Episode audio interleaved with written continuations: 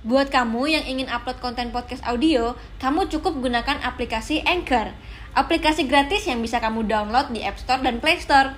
Anchor akan mempermudah mendistribusikan podcast kamu ke Spotify. Ayo, download Anchor sekarang juga untuk membuat podcast show kamu. Tangan beliau dimasukkan ke dalam celana saya dan langsung ke dalam pakaian dalam saya. Tangannya dimasukin, jarinya ke rumah. Tanya ke saya, enak nggak? Maaf, ini ini ini Jenny pendidik atau bukan sih? Pendidik bilangnya. Pendidik, kan? Heeh.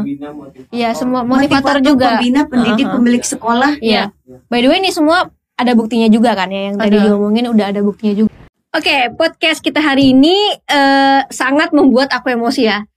Bener-bener ini tuh nguras emosi aku banget dan eh, akhir-akhir ini aku lihat ada beberapa eh, podcast juga yang sudah mengungkap ini. Cuman semoga dengan podcast aku ini juga bisa mempercepat eh, proses pengadilan, bermanfaat juga buat teman-teman yang ada di depan aku ini. Nah hari ini ada eh, korban kekerasan seksual dari seseorang yang sudah menjadi terdakwa.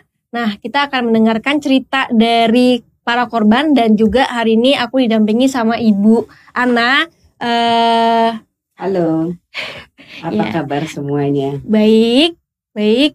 Eh, nanti kita akan lihat juga dari sisi hukum ya, Hmm, Ibu ya. iya.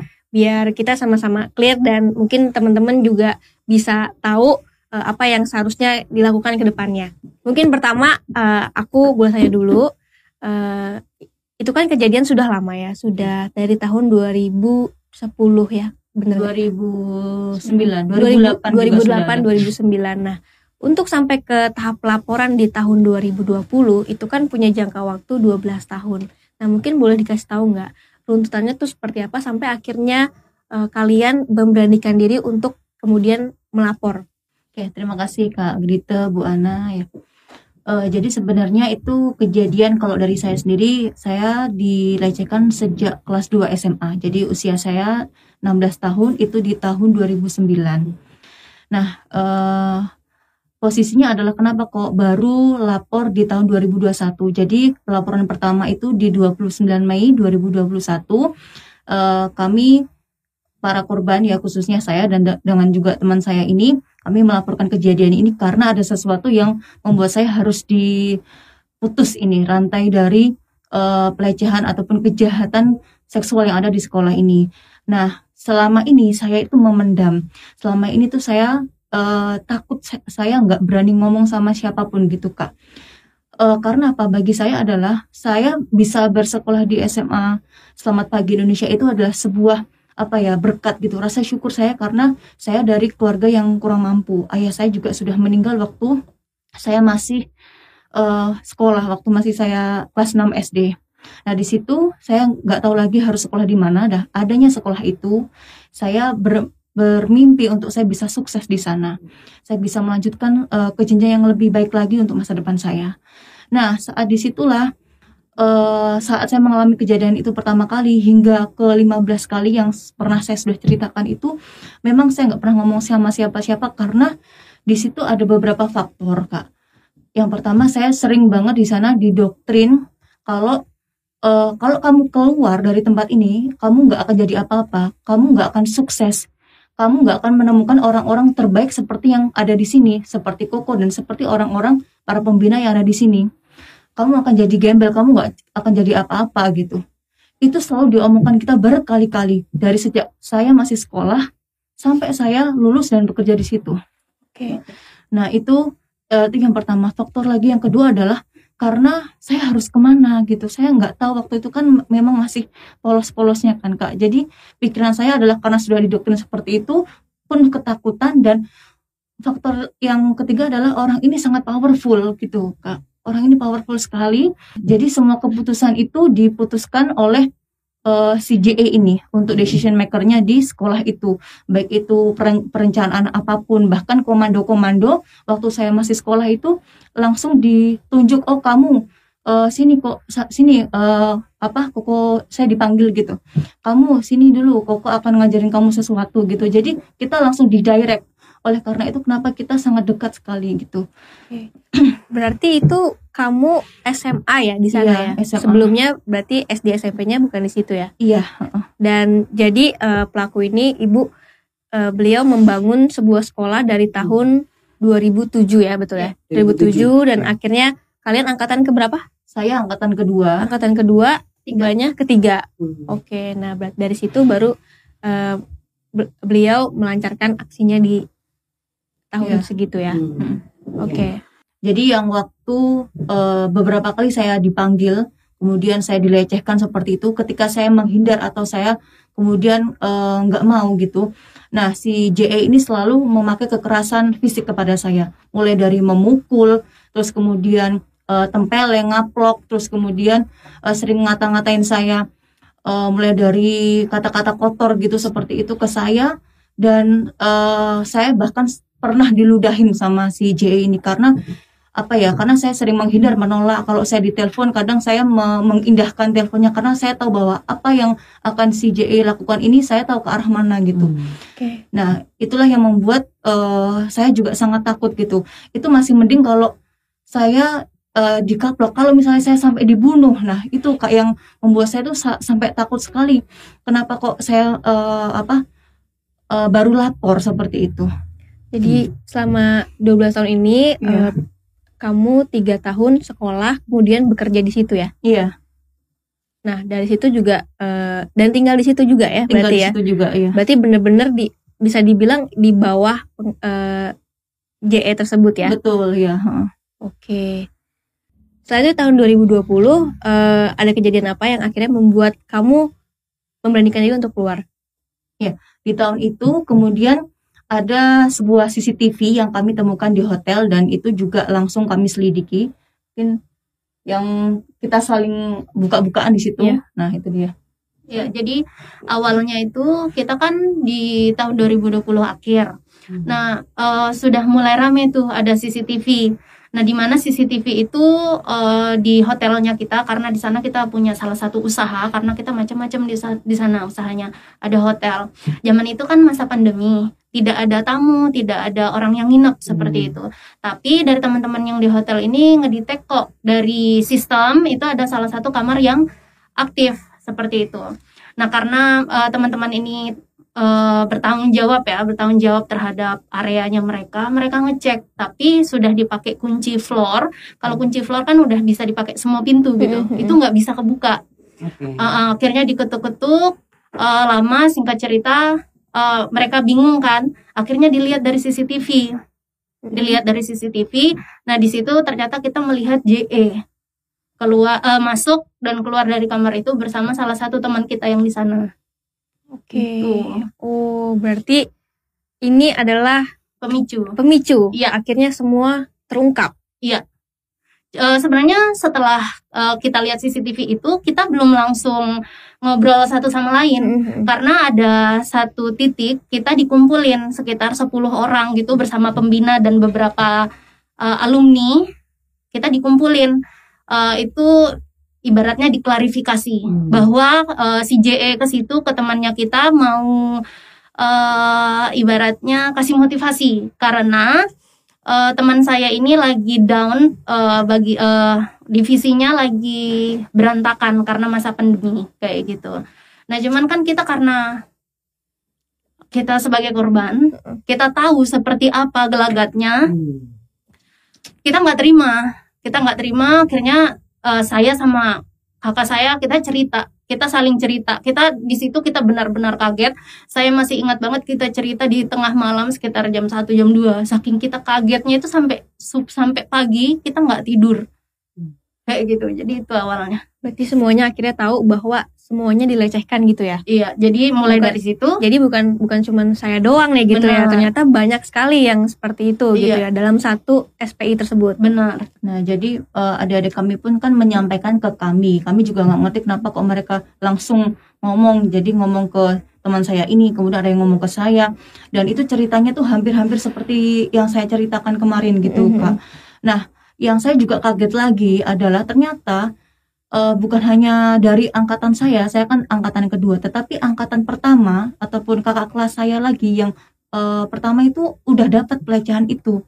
Nah, ada kakak kelas saya itu yang sudah mendapatkan pelecehan sebelum saya sebenarnya dan sudah sampai melapor ke guru waktu Hmm. itu. Cuman kan saya nggak tahu karena saya nggak dapat cerita itu posisinya gitu, Kak. Nah, ini juga ada beberapa eh, kami bawa juga untuk testimoni dari kakak saya ini gitu untuk bagaimana saat dia dilecehkan waktu itu. Eh, sebelumnya kamu tahu dari mana nih kalau kakak kelas kamu juga ikut menjadi korban? Iya, jadi waktu itu setelah kami saling ngobrol, kita jadinya tahu bahwa siapa aja sih korban-korbannya gitu. Kita mulai eh, cari tahu mulai dari angkatan pertama sampai dengan angkatan angkatan-angkatan yang terakhir. Kita mulai telepon, kita bahkan juga ada langsung kita ketemu juga kayak gitu. Nah, pada akhirnya ketemulah juga gitu Kak. Angkatan pertama, angkatan awal itu ada yang kena gitu dan itu juga parah sekali dan itu yang membuat saya sangat sedih, saya sangat sakit sekali gitu yang melihat kakak saya sebelum saya pun bahkan sudah ada kejadian itu. Gitu. Beliau udah keluar dari Sudah, sudah keluar. Oh, oke. Nah, mungkin eh, Ibu kita mau tayangin eh, testimoni dari kakak kelasnya ya. Baju saya diangkat eh, diangkat setelah baju saya diangkat. Itu kursi saya dibuat mundur ke belakang. Jadi eh, agak sedikit eh, saya sedikit tertidur begini. Jadi beliau eh, setelah baju saya diangkat eh, BH saya terangkat beliau berusaha untuk eh, menji- menjilati atau eh, mencium payudara saya. Nah itu saya karena eh, saya kaget dan saya merasa bahwa lah kok di maksudnya dari dari dari dia nyium malah eh, sudah kelewatan ke dia mau berani untuk eh, mencium payudara saya. Jadi saya nolak saya bilang kok kok kok ja- jangan kok saya cuma saya nggak bisa ngomong nggak bisa nolak saya cuma manggil kok kok kayak gitu. Setelah itu setelah saya berusaha untuk nutup baju saya. Tangan beliau dimasukkan ke dalam celana saya dan langsung ke dalam pakaian dalam saya. Tangannya dimasukin jarinya dimasukin diarah ke diarahkan ke dalam kelamin saya kemaluan saya. Dan setelah dimasukin itu malah tanya ke saya enak nggak? Saya saat itu berusaha untuk setelah saya saya berusaha untuk dorong tangan beliau saya kok saya bilang kok dalam hati Tuhan tolong saya maksudnya kenapa saya harus dibuat seperti itu Oke. Ikut emosional ya, Bu ya? biadab sih. Apa ya? Ya.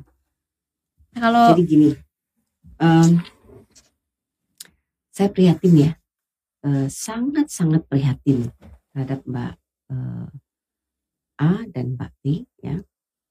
Eh, ini hanya bagian kecil dari korban-korban. Saya nggak mau bilang pelecehan ya. Yang kalian alami ini bukan pelecehan, tapi kejahatan seksual. Ya, ini perbuatan jahat, tindak pidana. Jadi tidak bisa dikategorikan pelecehan. Kenapa? Saya katakan tidak bisa dikategorikan pelecehan. Yang dia lakukan ini sesuatu yang sangat eh, menyakitkan, ya kan? Memalukan dan merugikan baik fisik maupun mental. Ya, Dan ini dilakukan berulang kali. Sesuatu yang jahat sekali menurut saya. Secara hukum ini sudah memenuhi ketentuan eh, pelanggaran dari Undang-Undang Perlindungan Anak, juga pelanggaran dari KUHP. Jadi ini adalah sekali lagi saya garis bawahi ini adalah kejahatan seksual. Ya, bukan pelecehan seksual. Jadi kalian harus tahu bahwa ini adalah kejahatan.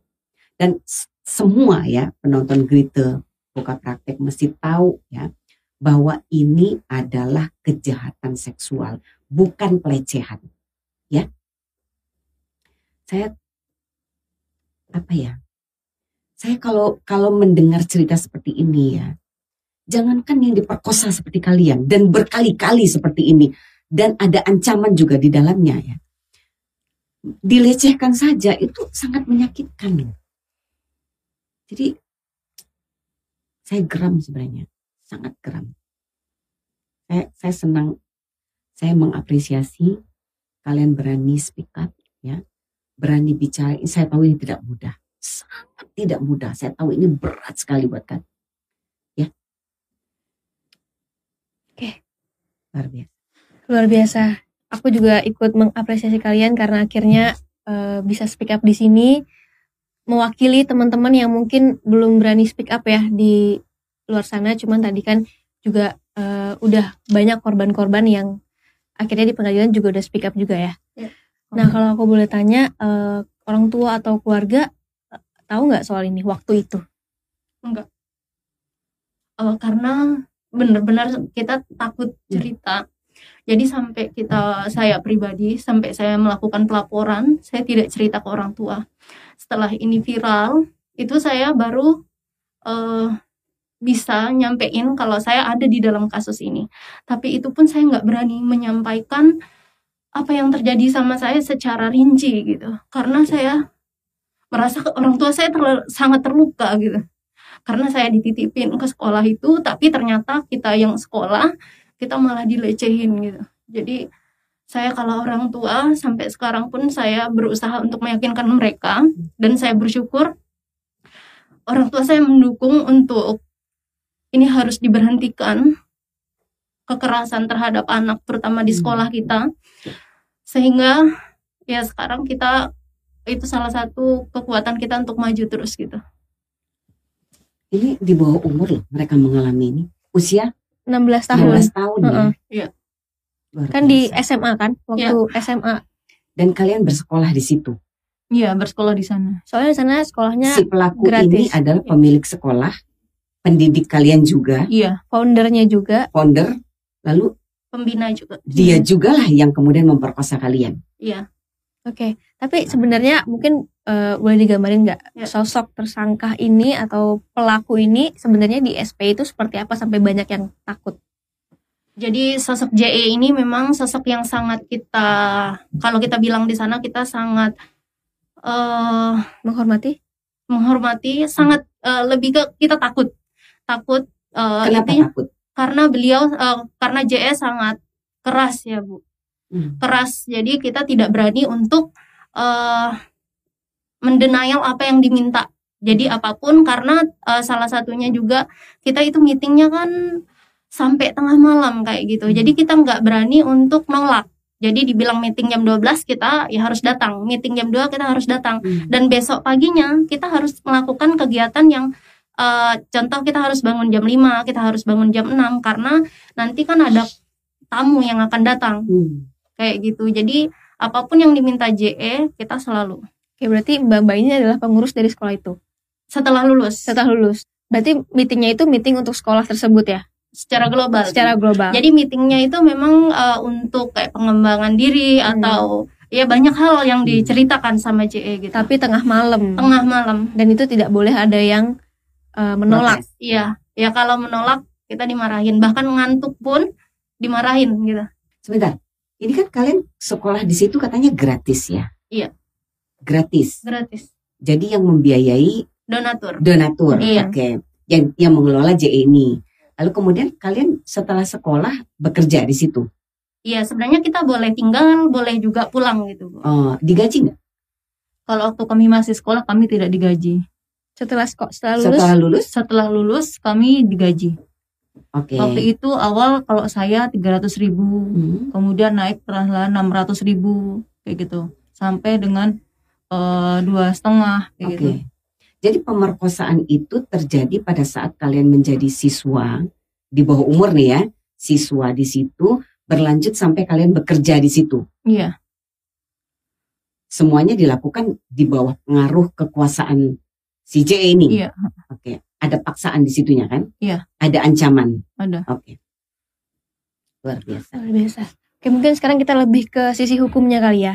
Nah, mungkin kan sekarang eh, statusnya sudah terdakwa dan sudah di pengadilan. Nah, mungkin teman-teman juga boleh cerita gimana sih eh, perjuangan kalian di pengadilan dari Mei 2021 sampai sekarang. Nanti mungkin bisa dibantu sama eh, Ibu Ana. Kalau sebenarnya kalau dibilang sisi hukumnya bagaimana itu kalau dari saya mengalami langsung kak itu sangat banyak kejanggalan yang terjadi dan itu saya tuh bingung harus protes ke siapa gitu sebenarnya.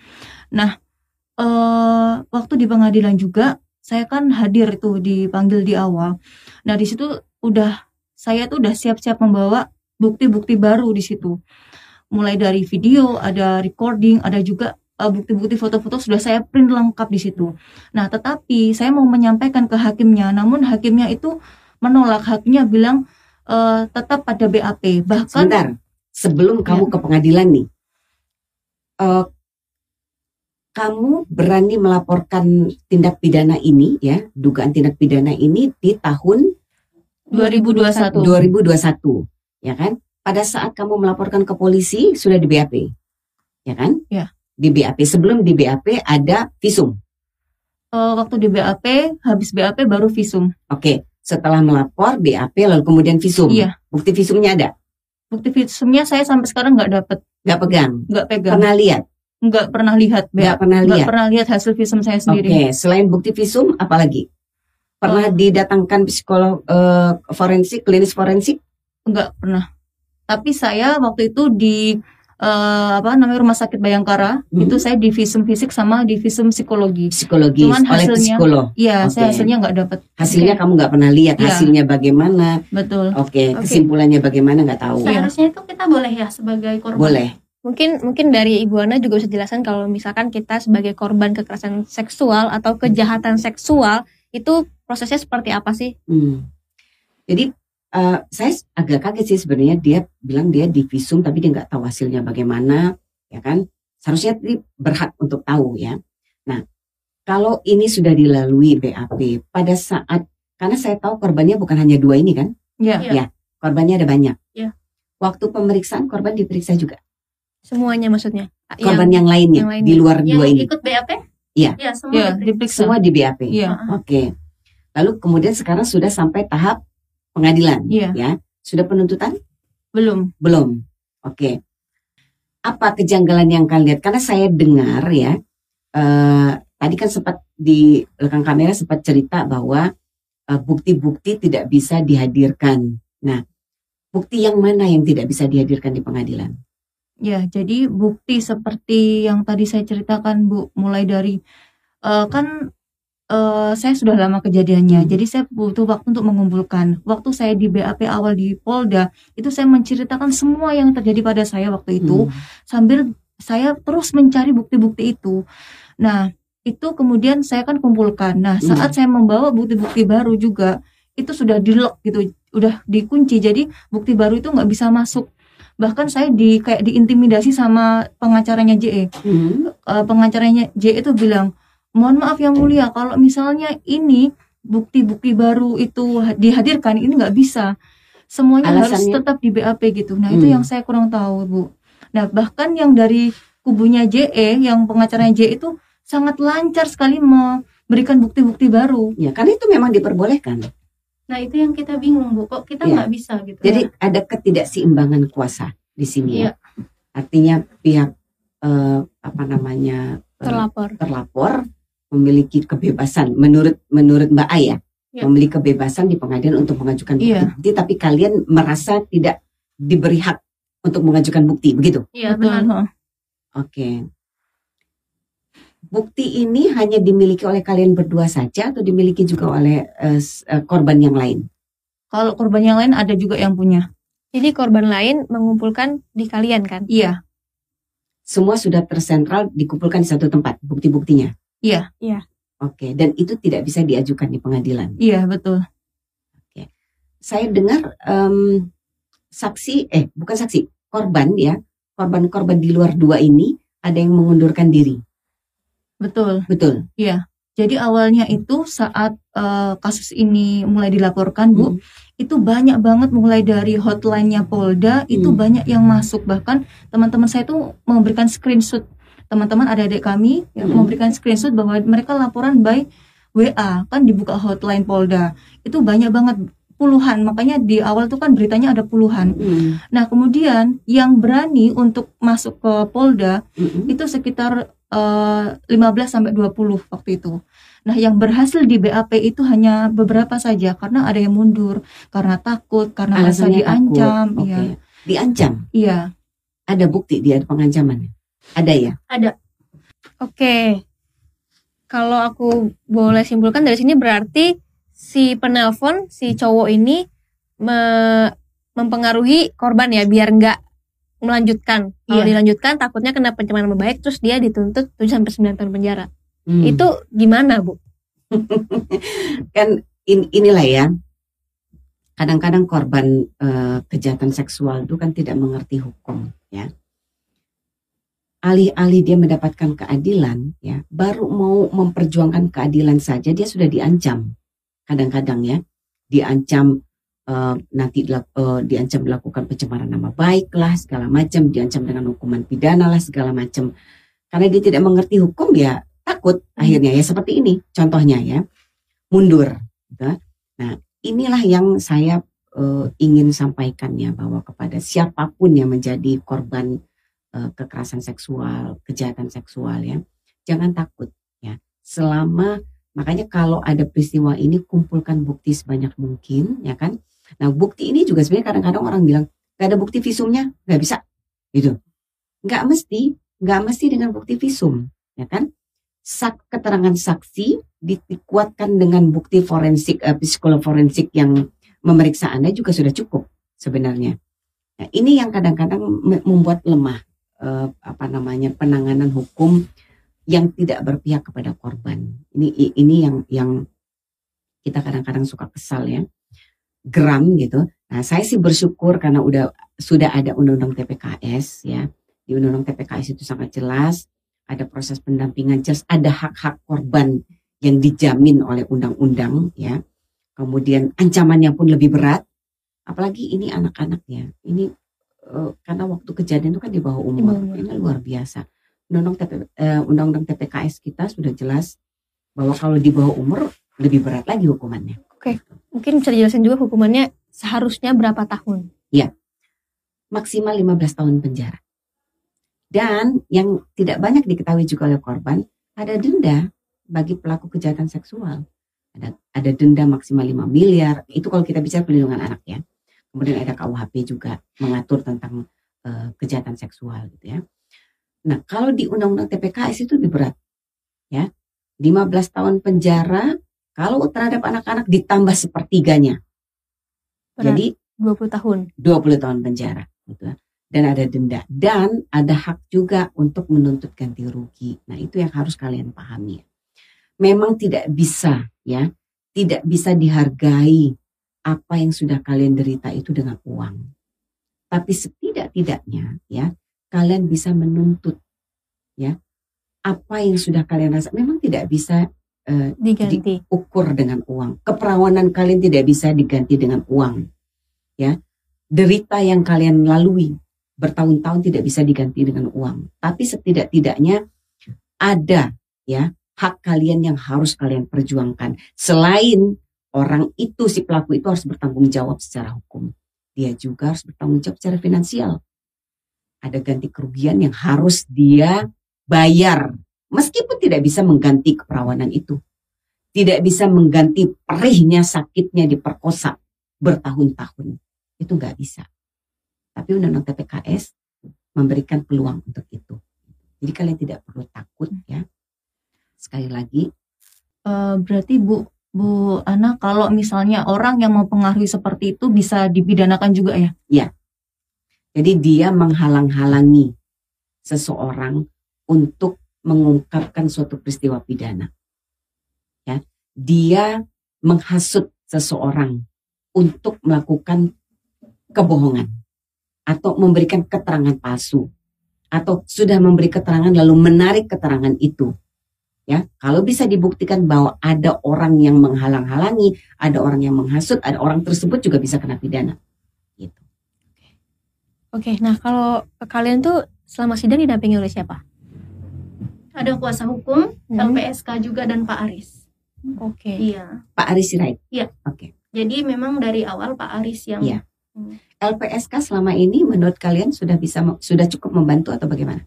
Eh, sejauh ini LPSK sangat membantu Hmm. di untuk perlindungannya gitu Iya. sih Bu. Cuman memang memang harus sedikit dipus menurut saya untuk psikologi gitunya karena eh, kami sejauh ini ditemani memang kadang kita juga zoom bareng Hmm. cuman eh, kami masih butuh untuk pemulih- Pendampingan. ya, pendampingannya Iya. gitu.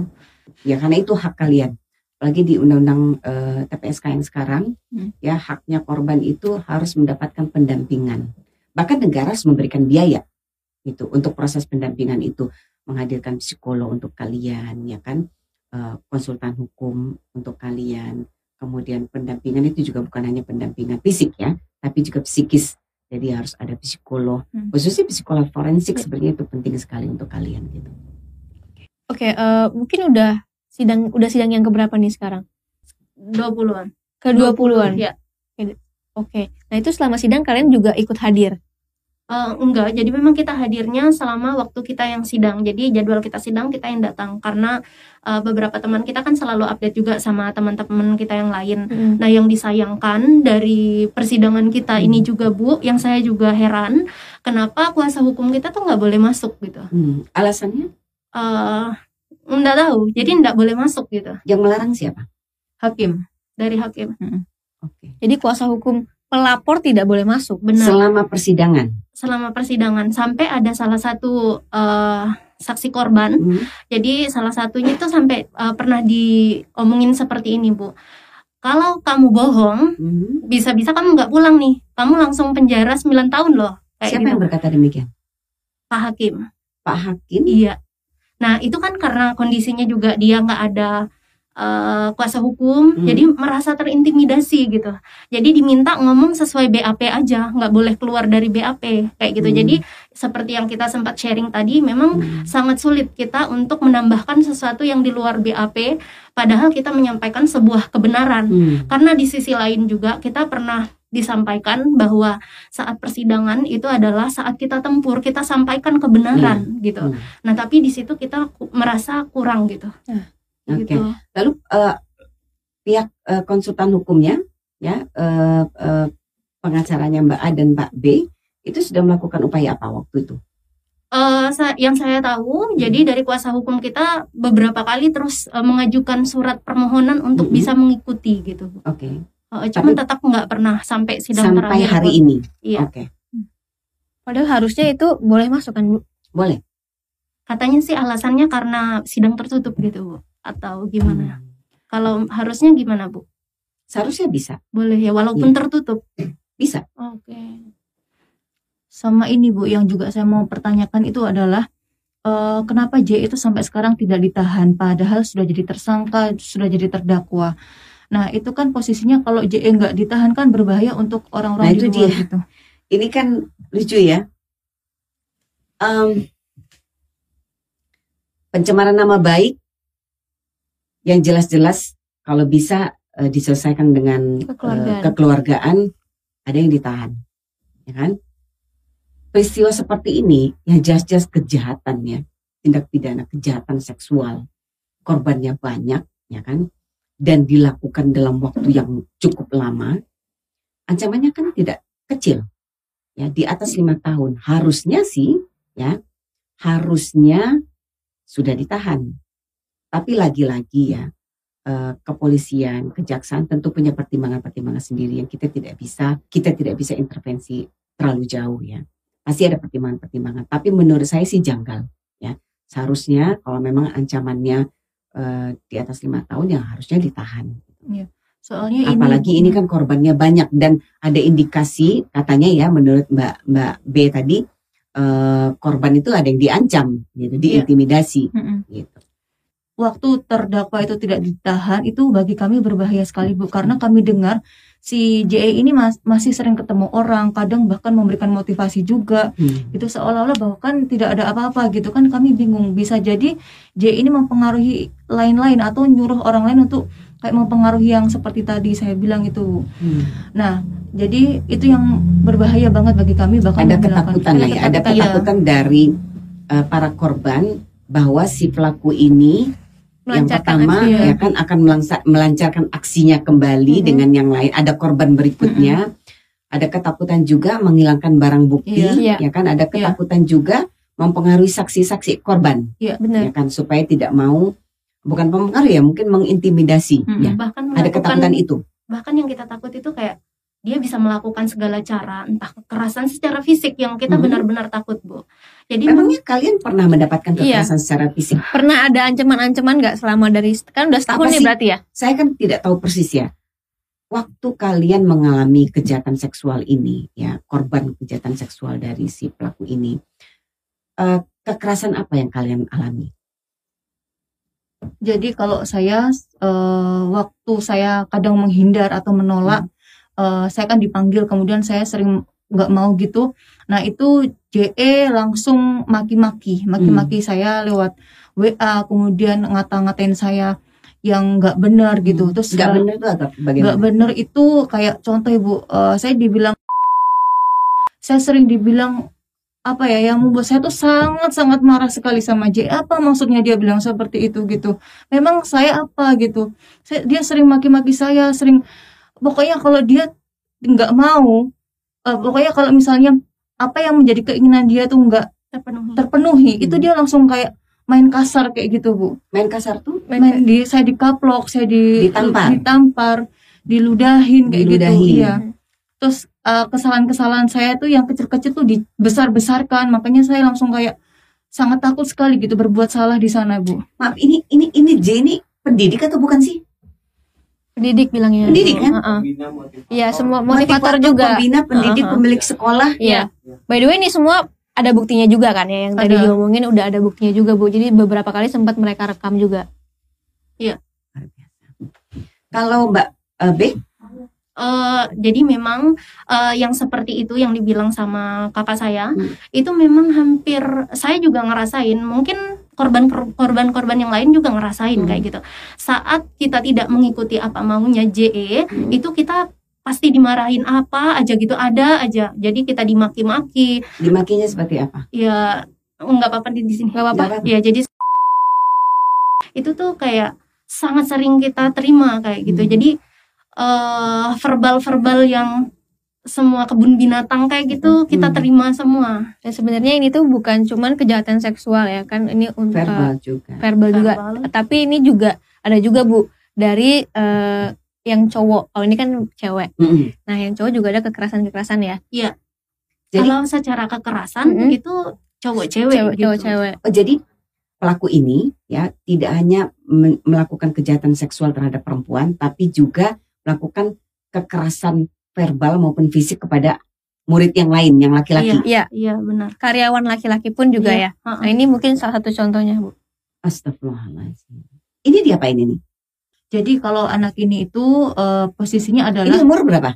itu waktu itu sudah lulus Baru lulus. baru lulus kemudian dia bekerja di sana Mm, nah posisinya adalah dia ini anaknya sering banget main medsos gitu mm, Nah, maksud maksudnya adalah eh, kalau misalnya seperti mereka atau kita, kita diomongin baik-baik sebenarnya bisa bu. Cuman Hmm. dia langsung J ini langsung main kekerasan gitu, bahkan langsung nonjok gitu. Itu bukan hanya ke adik kami yang ini, tapi juga yang cewek pun. Bahkan saya lihat juga dia sampai keinjek apa namanya eh, kepalanya kena mata. Itu di hadapan saya sendiri itu saya lihat itu posisinya. Itu pun saya tuh kan saya juga mengalami itu bu. Saya tahu Hmm. sakitnya seperti apa itu. Adik kelas saya itu. Jadi benar-benar dihajar diinjak-injak kayak gitu Bu. Kamu Gitu. pernah diinjak? Kalau saya enggak, saya diludahin. Diludahin? Iya, Di- diadu diapain? kepala, Ditampar? sama di heading. Saya dibenturkan kepala sama kepala. Kepala, Kepala dia dan siapa? kepala kamu Iya. dibenturkan. Iya, Lalu ditampar, iya. diludahi. Iya. Kalau Mbak B? sama jadi kayak kalau saya ditampar terus pernah juga kita meeting meeting bareng karena ada salah satu yang telat karena harus ngurusin pekerjaan yang lain karena saking eh, karena telat terus dia Hmm. ini kan marah memang kita itu kayak harus perfect untuk dia gitu jadi karena kita telat waktu itu saya ingat kepala kita kan duduk nih barengan samping diadu gitu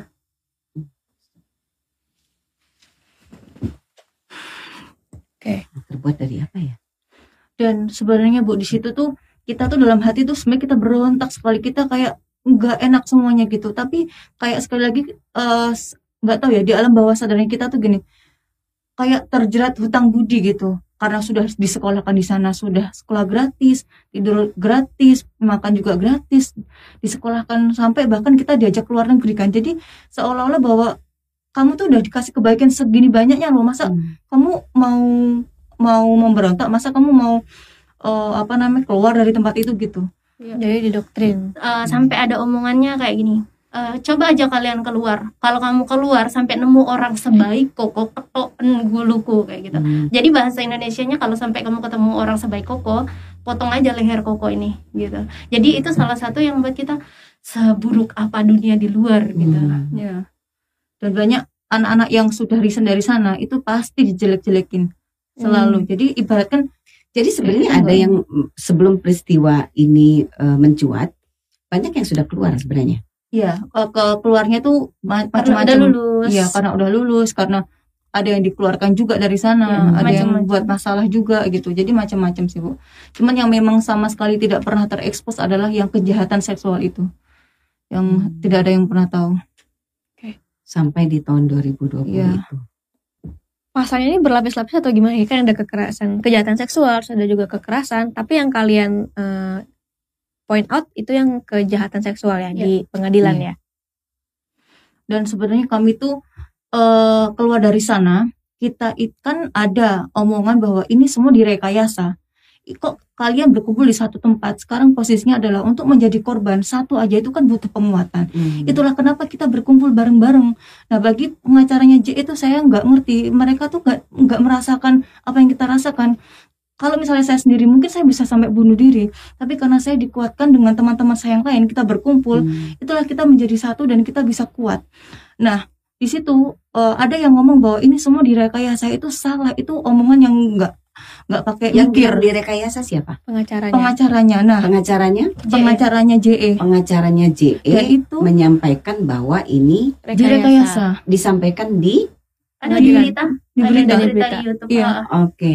dan ada yang mendanai. Nah, itu semua kami tahu siapa yang menyebarkan itu semua, Bu. Karena kami itu kumpul di satu tempat bersama dengan teman-teman kami. Ada satu teman kami yang saya sebutkan, Ibu, inisialnya V. V. Hmm. Ini yang dia dia awalnya kita bersama-sama dengan dia. Kita juga bareng-bareng tolong menolong. Kita ajak bareng-bareng untuk kerja bareng-bareng. Tapi apa yang dia lakukan? Dia keluar, kemudian ternyata dia menjadi informan selama ini. Dan kemudian dia menyebarkan berita-berita yang nggak jelas dan bahkan mempengaruhi saksi Hmm. seperti yang tadi diputarkan. Terus kemudian dia menjadi saksinya JE sekarang. Maka dari itu kalau itu bisa dipidanakan, itu saya sangat setuju Bu, karena itu sudah sa- mempengaruhi eh, saksi-saksi di situ. Hmm. Jadi makin berkurang saksinya. Iya, ya. yang disayangkan kan CV ini dia tahu kebenarannya kebenaran yang sangat sangat eh, terbuka itu V ini tapi sendiri korban. enggak dia Bukan dia laki-laki laki-laki. Oh laki-laki. iya Apa yang dia ketahui? mengarang sih lebih tepatnya bu V ini eh, juga di SPI juga. Dulu sempat tinggal di SPI tapi dia bukan lulusan anak SPI Oh, lama Iya. di SPI dia tinggal. Eh, lumayan lumayan But- dap- tapi dia tidak mendapatkan kekerasan apa pun ya. Kekerasan fisik, Fisik- juga Fisik dapat. juga dapat juga Iya. padahal. Heeh. Jadi V ini sudah tahu, jadi tahu kita di mana bersama dengan siapa aja, kita ngumpul buat ngapain dia tahu semuanya dan Hmm. dia bilang ke eh, kubunya JE bahwa ini semua direkayasa dan ada yang mendanai. Padahal kenyataannya kita susah bu untuk survive di luar, menguatkan satu sama lain. Kita itu dari awal sih, usaha kita mudah ya. Ya, berat banget. Iya makanya tuh saya sampai astaga anak ini tuh apa yang dia mau gitu sebenarnya. Padahal dia tahu sendiri kondisi saat kita kumpul bareng. Itu kan kondisinya kita sampai buat peraturan di rumah. Hmm. kita di rumah karena kita bareng-bareng kan. Kita buat peraturan tidak boleh menceritakan tentang JE apa pun itu. Karena jujur buat saya dan kakak saya itu trauma yang sangat berat gitu. Pasti. dengar namanya JE aja kita tuh langsung kayak merinding. Aku sekarang merinding. Jadi itu kayak dia tahu kebenarannya sampai kita itu buat usaha bu kita buka just tip Hmm. jadi untuk orang-orang yang kenal sama kita karena ada satu kakak saya itu marketing, jadi relasinya lumayan banyak kan. Jadi kita buka just tip ya kita eh, contoh nih beli kacang oleh-oleh Bali, kita cuma ngambil berapa, kita bertahan hidup dari itu gitu. Tapi dia bisa-bisanya menjual informasi demi dia mendapatkan entah uang atau apa kayak gitu. Padahal dia tahu kebenarannya. Kita survive mati-matian di luar Oke, nah, Complicated. complicated ya. Tapi ini kan udah menuju putusan Bu di eh, tanggal 20 ini. Nah, kira-kira dalam waktu Baru yang penuntutan ya. 2020. Iya. Tanggal 20. Tanggal tanggal 20. 20 Juli penuntutan. Pembacaan tuntutan. Pembacaan Pembacaan tuntutan. Nah, apa sih yang bisa kita lakukan nih dari sekarang sampai nanti di tanggal 20 kira-kira? Eh, kita lihat saja. Eh, saya sih berharap jaksanya berpihak pada korban ya. Amin. Artinya kalau melihat dari cerita eh, Anda sekalian, mestinya sih eh, bukti-bukti, saksi-saksi eh, yang sudah di eh, apa tangkup pada saat BAP, pada saat pemeriksaan di kepolisian, kemudian di kejaksaan dinyatakan P21, mestinya sudah cukup ya bukti-bukti seharusnya. Jadi saya tidak tidak mengerti kenapa justru bukti-bukti yang sesungguhnya ada ya pada saat proses pemeriksaan di kepolisian justru tidak dihadirkan. Nah, itu jadi pertanyaan karena asumsi kita pada saat P21 harusnya semua sudah lengkap ya kan dan jaksa sudah melihat ini sudah mencukupi ya kan sampai kemudian nanti bisa eh, apa, memberikan tuntutan kepada si pelaku gitu ya. Kita lihat nanti eh, tanggal 20 bagaimana tuntutannya ya kan. Semoga sesuai dengan harapan eh, para korban Hmm. dan memberikan rasa keadilan kepada para korban ya. Hmm. Eh, tapi eh, lagi-lagi tidak pernah ada yang bisa menjamin ya bahwa proses peradilan itu berjalan sesuai dengan Harapan. harapan gitu ya. Ya, kita berprasangka baik saja dulu karena kita belum tahu ya kan. Nanti setelah ada tuntutan itu bagaimana bagaimana nanti kita bicara lagi. Nanti saya siap eh, apa namanya menerima kalian untuk kita bicara lagi membahas tuntutannya bagaimana, apakah sudah memenuhi rasa keadilan atau tidak, ya kan? Apa kejanggalan-kejanggalannya nanti kita akan bahas lebih dalam. Ya, setelah ini ya. Eh, mungkin terakhir eh, thank you banget udah datang ke sini dan udah sharing-sharing juga. Eh, thank you juga dan kita sangat mengapresiasi eh, kalian berani speak up mewakili teman-teman yang mungkin belum berani speak up juga. Semoga kita juga berharap banget keadilan eh, berpihak pada korban ya Bu ya. Iya.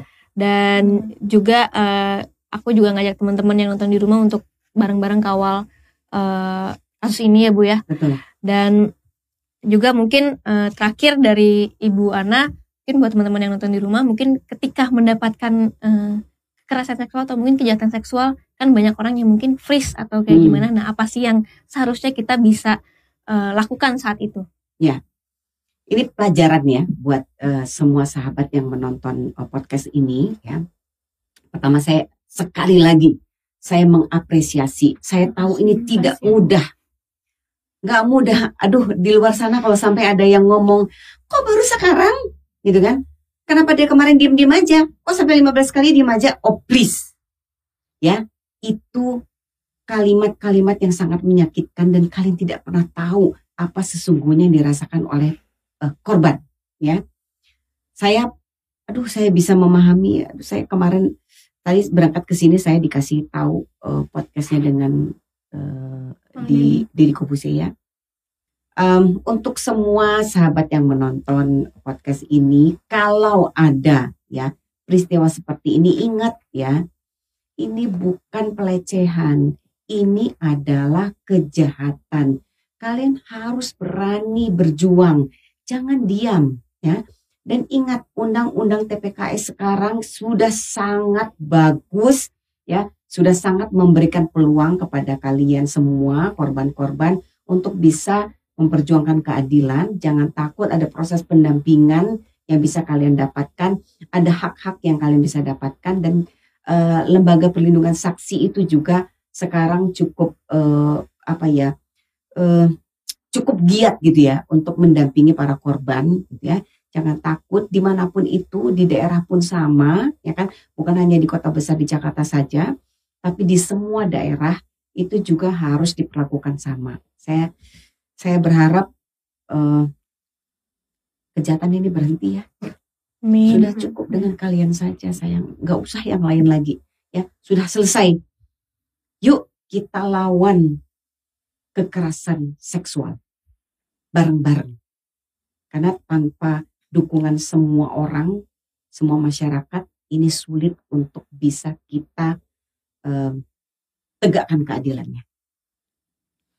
Dan tidak ada yang sekedar ya Bu ya. Nggak ada. Orang-orang bilang sekedar ini, sekedar itu. Jangan mau dibilang itu kan menjadi bias ya, mengaburkan ya.